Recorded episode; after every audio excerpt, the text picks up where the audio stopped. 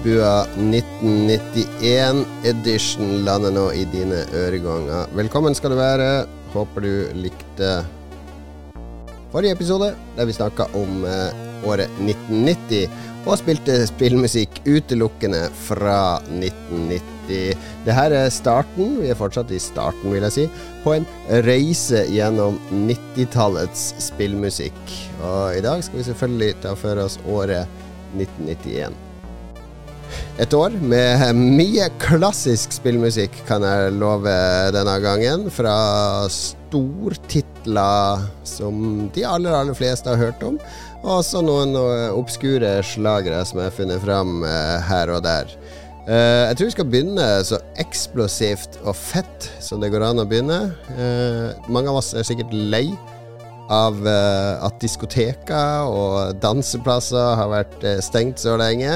Så vi skal spille kanskje det aller, aller beste danse- og house-aktige soundtracket som finnes. Vi snakker selvfølgelig om Streets of Rage.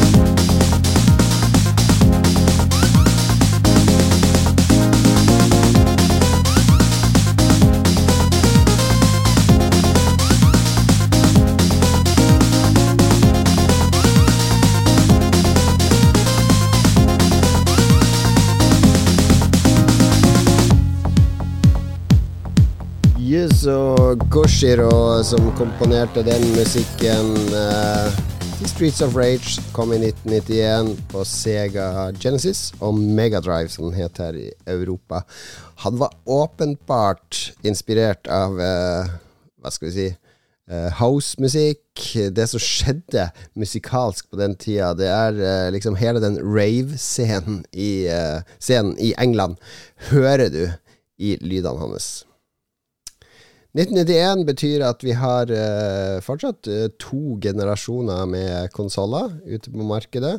Vi har 8-bits-konsoller, og så har vi 16-bits-konsoller. Megadrive var først ute, så kom Super Nintendo. Ble lansert i Japan i 1990 og i uh, USA i 91. Og så kom den også etter hvert til Europa og Norge. Uh, det betyr at det var fortsatt Nes som gjaldt for Nintendo-fans i Norge. Og et spill som mange bryna seg på på Nes, det var rett og slett det vi skal høre nå. Eh, Britisk spill, musikk av David Wise, eh, som jeg tror har besøkt retrospillmessa flere ganger. Vi skal høre Ragnaroks Canyon fra Battletoads.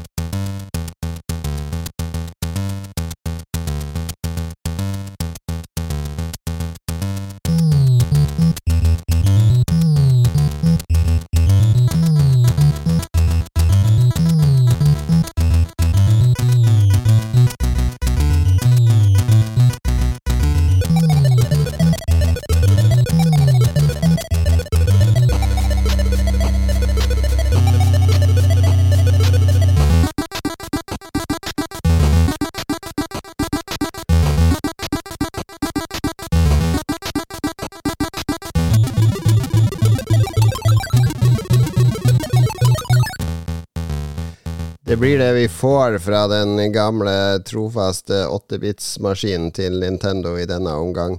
Uh, men jeg kan love Super Nintendo. Super Nintendo-spill kommer seinere i sendinga.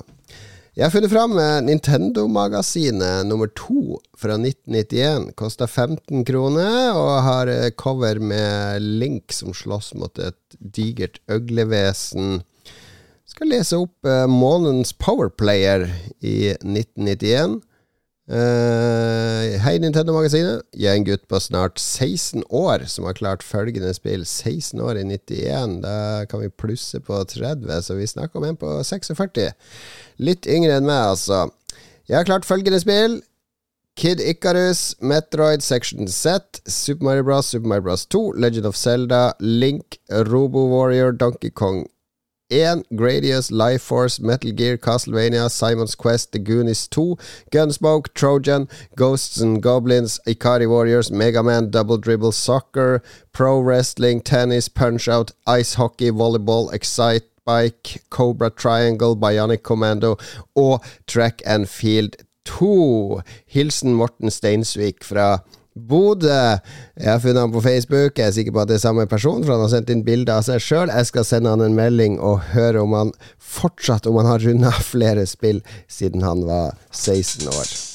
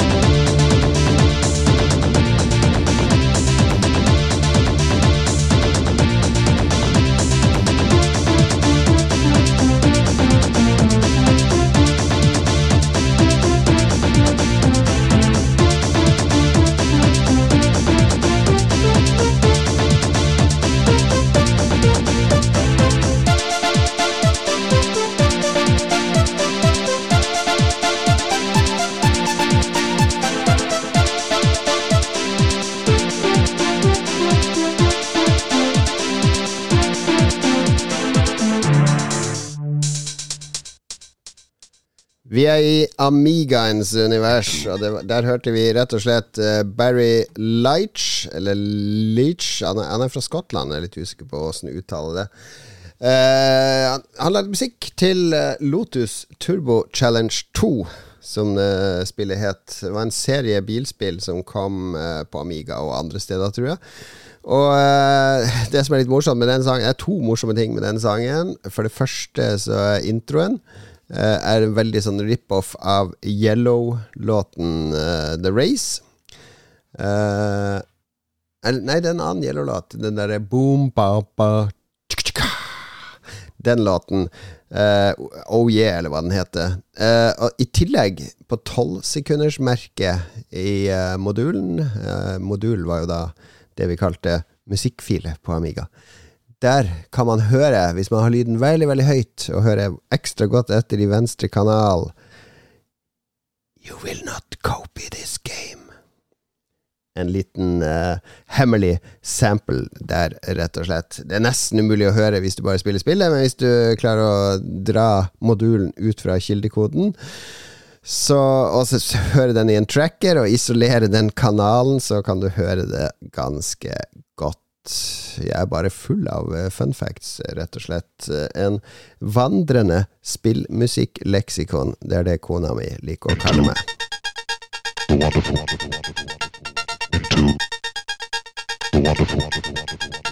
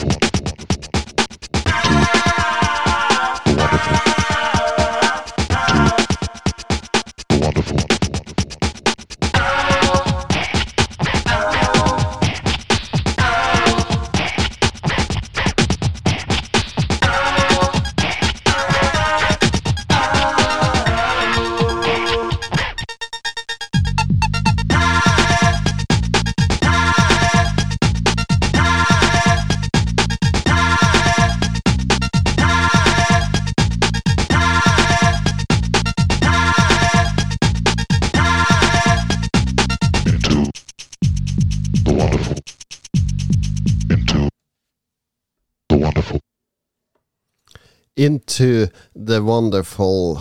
De lydene kjenner vi fra spillet Gods, gitt ut av Bitmap Brothers. Og uh, det var samme musiker, uh, samme selskap uh, vi snakka om i forrige program, Nation 12.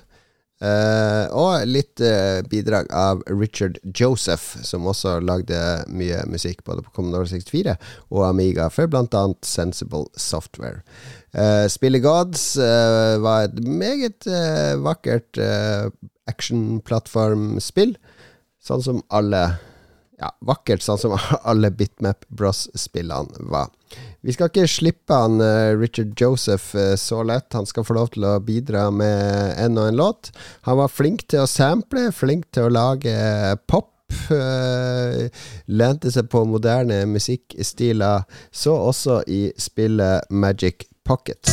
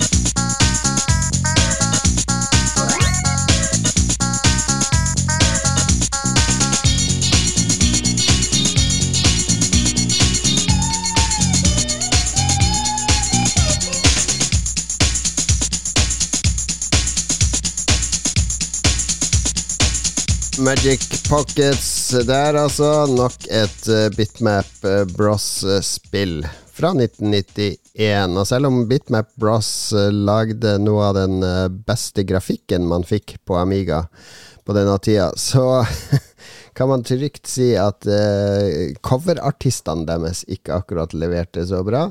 Ta og Google Magic Pockets Amiga, og ta en titt på coveret sjøl eh, på min topp fem-liste over de dårligste coverne noen gang.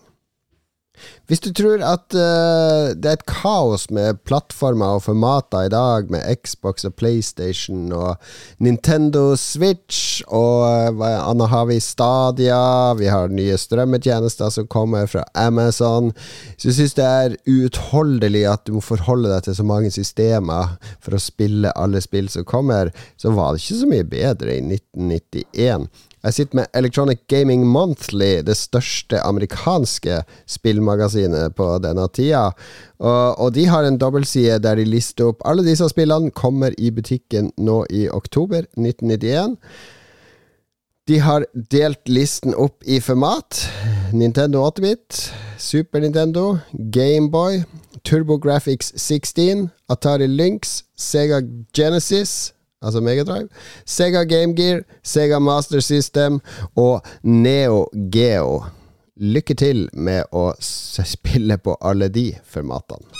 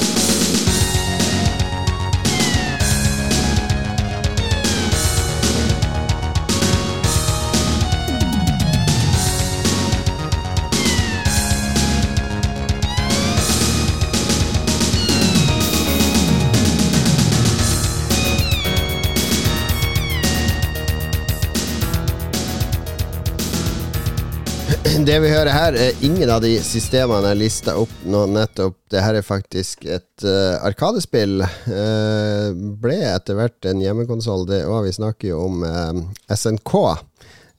sin Neo Geo, som var Arkademotoren deres. Der de ga ut ganske mange ja, slåssespill, actionspill, 2D sprite-baserte spill. Og spillet vi hørte fra, var selvsagt Fatal Fury. Nå over til en uh, ganske stor kuriositet. Det her var Today I Learned-seksjonen min når jeg begynte å researche og samle musikk til denne episoden, for det her visste jeg faktisk ikke. Men vi skal til spillet Police Quest 3 fra Sierra, og du tenker eh, kan det virkelig være verdt å høre musikk fra et Sierra-spill, et PC-spill med de litt sånn småkjipe Soundblaster og Roland Midi-kortene de hadde da? Jeg vil si det. Jeg vil si det, fordi eh, noen i Sierra Det gikk tydeligvis bra med Police Quest-serien. De fikk tydeligvis budsjett til å gjøre noe stort. Eh, etter Police Quest 1 så ble det Police Quest 2, som også ble populært. Og til Police Quest 3 så dro de ut stortromma og inviterte selveste Jan Hammer til å lage tittelmelodien, eller komponere soundtracket, rett og slett, til spillet. Hvis du ikke vet hvem Jan Hammer er han er selveste lyden av 80-tallet. Jan Hammer er mannen som lagde musikken til TV-serien Miami Vice, og det tror jeg du kan høre i main title theme fra Police Quest 3.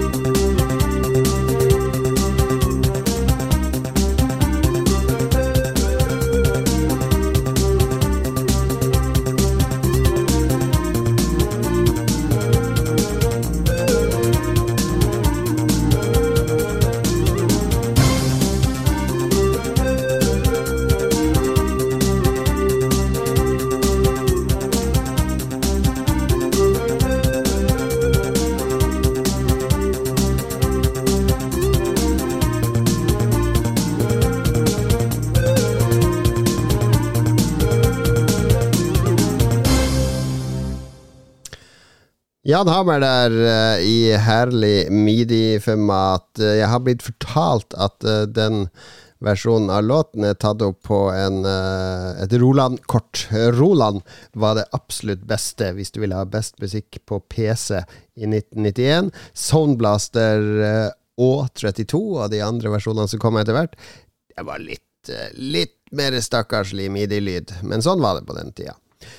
En konsol som eh, tvert imot uh, hadde etter hvert meget bra lyd. Meget solid eh, lydskip designa av selveste Ken Kutaragi i Sony. Det var jo Super Nintendo. Vi hørte så vidt starten på Super Nintendo forrige episode, da vi hørte F-Zero-musikken. et av to spill som kom på Super Nintendo i 1990. I 1991 kom det en haug med spill til Super Nintendo, og eh, flere ulike komponister begynte å beherske den nye lydchipen i det nye systemet. Første vi skal høre, er kanskje den melodien i dag som flest kommer til å dra kjensel på. Vi snakker selvsagt om eh, et fantastisk eventyr med en grønnkledd helt som skal redde prinsessa fra en ond uh, fyrste, eller uh, Ganon, som han også er kjent som. Dette har du hørt før.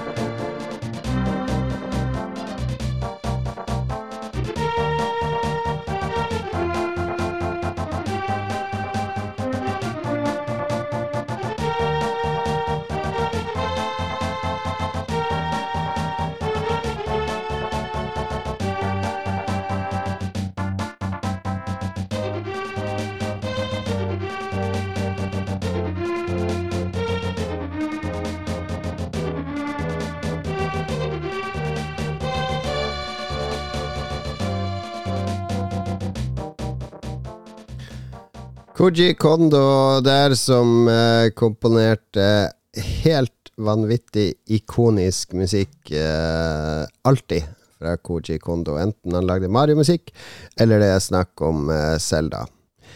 I neste låt, så Vi skal holde oss på Super Nintendo et par låter til. Neste låt er fra spillet Actracer, og det er samme komponist som åpningslåten i dag, altså Streets of Rage. Uh, Yuzo Koshiro, han Eh, var, var, en type musiker som beherska hardware, eller som likte å leke seg med hardware. Og Actracer var et spill som kom ganske tidlig på Super Nintendo. Et uh, slags actionrollespill. Nå, Jeg har ikke researcha det så mye, men uh, det var et av de tidligste spillene på Super Nintendo. Og uh, Koshiro rett og slett briljerte litt med den lydchipen her.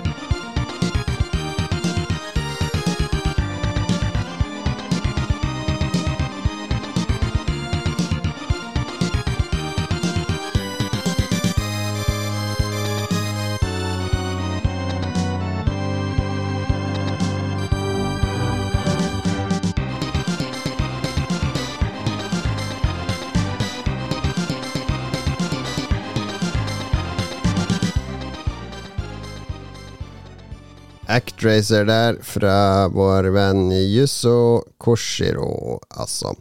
Siste Super Nintendo-spill ut, det er en, uh, en liten godbit. Det er et, et, spillserie vi sjelden ser her i Vesten, fordi uh, selv om det fins, jeg tror 20 utgaver av det spillet i Japan, altså 20 ulike spill i serien, så har bare fem av de tatt veien til Vesten. Konami har rett og slett uh, tenkt at dette er for sært og for erkejapansk til at uh, et vestlig publikum, publikum kan like det. Så kun en håndfull av spillene har de prøvd å konvertere. Og uh, i hvert fall de to av de som jeg har prøvd, har vært svært fornøyelige. Vi snakker om spillserien Ganbare Goemon, eller Legend of Mystical Ninja, som den heter her i Vesten. Og Legend of the Mystical Ninja på Super Nintendo var rett og slett en så fargerik og gøyal og kreativ eh, oppvisning av eh, oppfinnsomhet og sprø påfunn, der du styrer den legendariske tyven Goemon eh, på tur rundt i Japan. Og musikken utsøkt.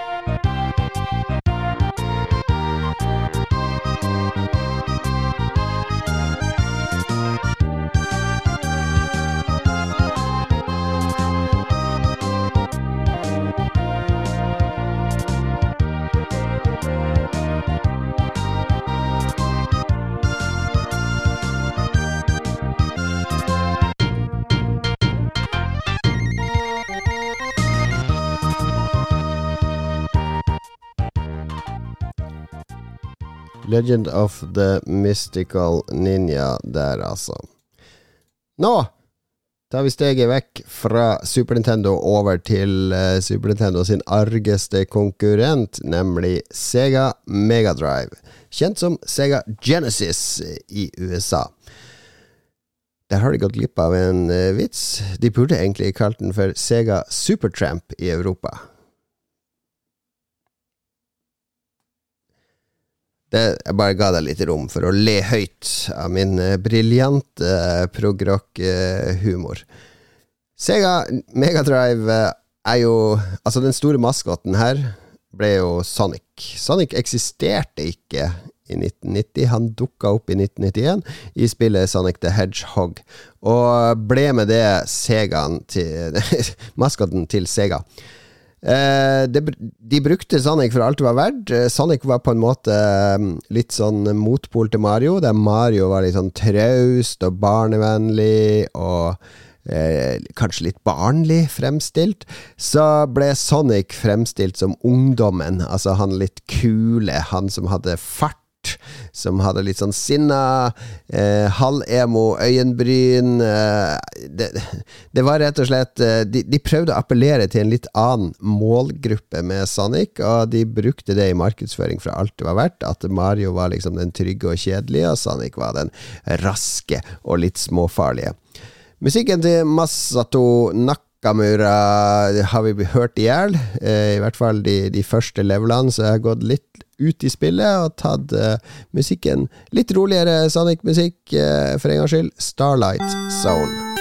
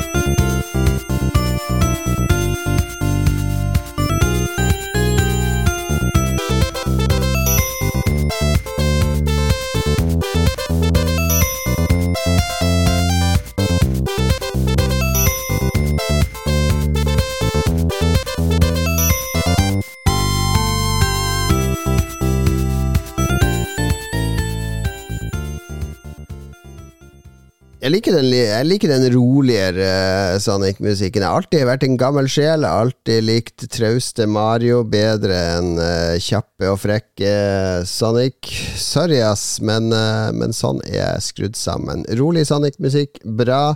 Når de begynner med de nyere spillene på Dreamcast og fremover, og hiver inn litt elektriske gitarer og knallharde riff, da faller jeg totalt av.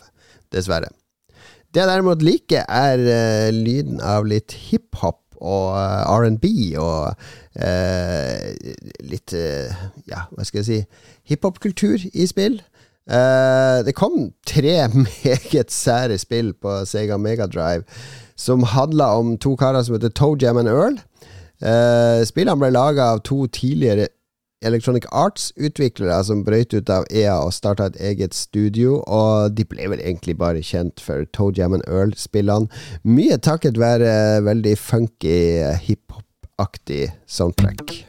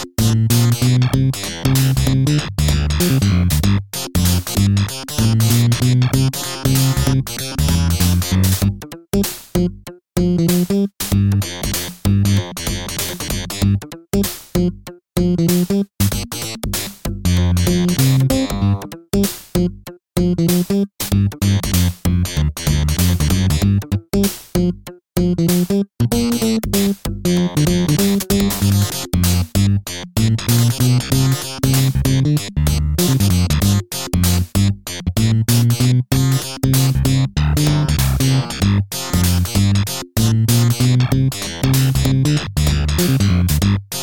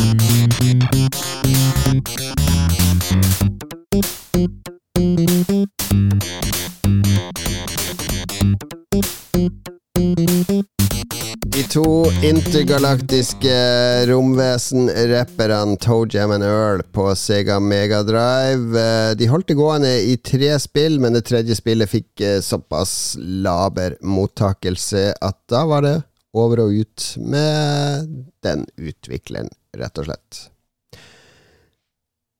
Nintendo-fans som kjøpte seg Super Nintendo, de eh, hadde en liste over spill de ønsker seg. Og sånn opererer Nintendo-fans fortsatt. Hver gang det er Nintendo Direct, så sitter folk og lister opp eh, Metroid og eh, Smash Bros og alle mulige andre spill de vil ha oppfølgere til. Og akkurat som Switch-fansen sitter og venter og venter og venter på et nytt Metroid, så måtte Super Nintendo-fansen gjøre det samme. Det skulle gå eh, flere år, helt fram til 1994, før Super Metroid dukka opp på eh, Super Nintendo.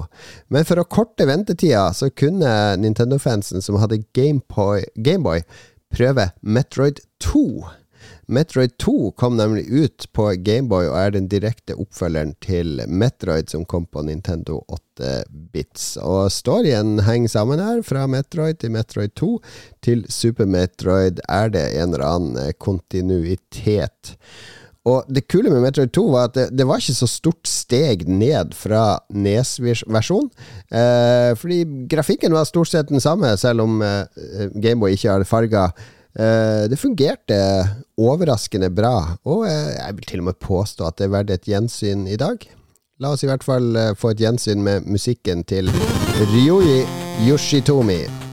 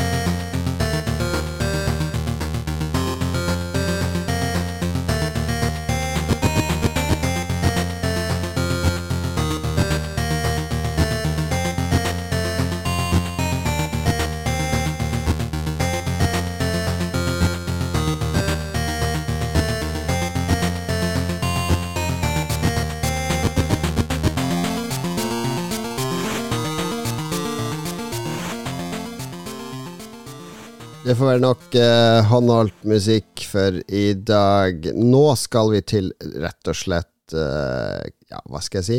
Det aller, aller, aller, aller, aller, aller, aller, aller, aller, aller, aller, aller, aller, aller, aller, aller, største spillet som kom i 1991, og det som skulle forbli det største spillet i mange år fremover. Vi snakker selvsagt om Street Fighter 2. 2, som kom i Arkadehallene dette året. Spillet som rett og slett revolusjonerte ikke bare slåssespill, men dataspill, vil jeg si. Som løfta dataspill som kultur.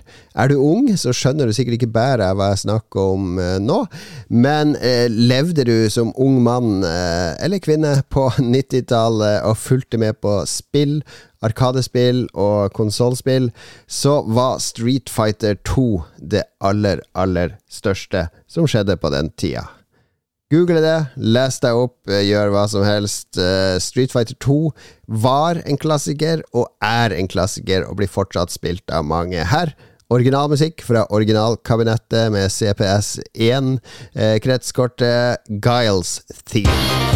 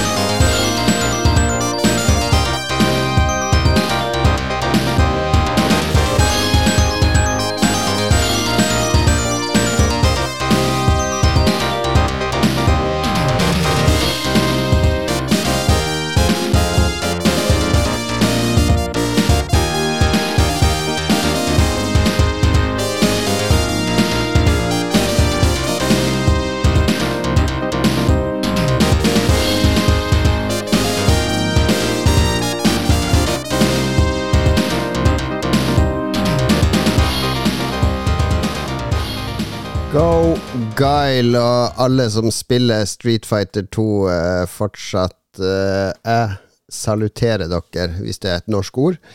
Ikke ved det. Det blir litt sånn smårere av å sitte her og prate med meg sjøl eh, og prøve å finne opp ting om musikk og spillhistorie. Jeg finner ikke opp alt, da. Men uh, jeg prøver å gjøre det litt uten manus. Prøver å late som jeg jobber i nærradioen, Radio Harstad, og har mitt eget spillmusikkprogram som går ut på lufta fra Gangsås til Mekila, rett og slett. Kun der kan du høre på spillmusikkprogrammet mitt veldig internt nå. Vi skal avslutte med en uh, superklassiker fra 1991. Uh, vi snakker om Chris Hulsbeck, den tyske komponisten som briljerte på, uh, på, ganske mange formater, men mange vil si han var aller best på Amiga, og mange vil si at den aller, aller beste låten hans var rett og slett eh, Final Fight fra Turrican 2. Uh, en Amiga-klassiker, sterkt inspirert av Metroid-spillene. Som vanlig så er det mange jeg må takke. Først og fremst Lars, som holder ut med meg som eh, businesspartner. Og Stein Pedersen, som eh, har laga intromusikken til Sydbua. Og ikke minst må jeg takke alle dere lyttere som hører på. Vi høres igjen om en uke. Da blir det vanlig Lolbua-episode. Ha det bra!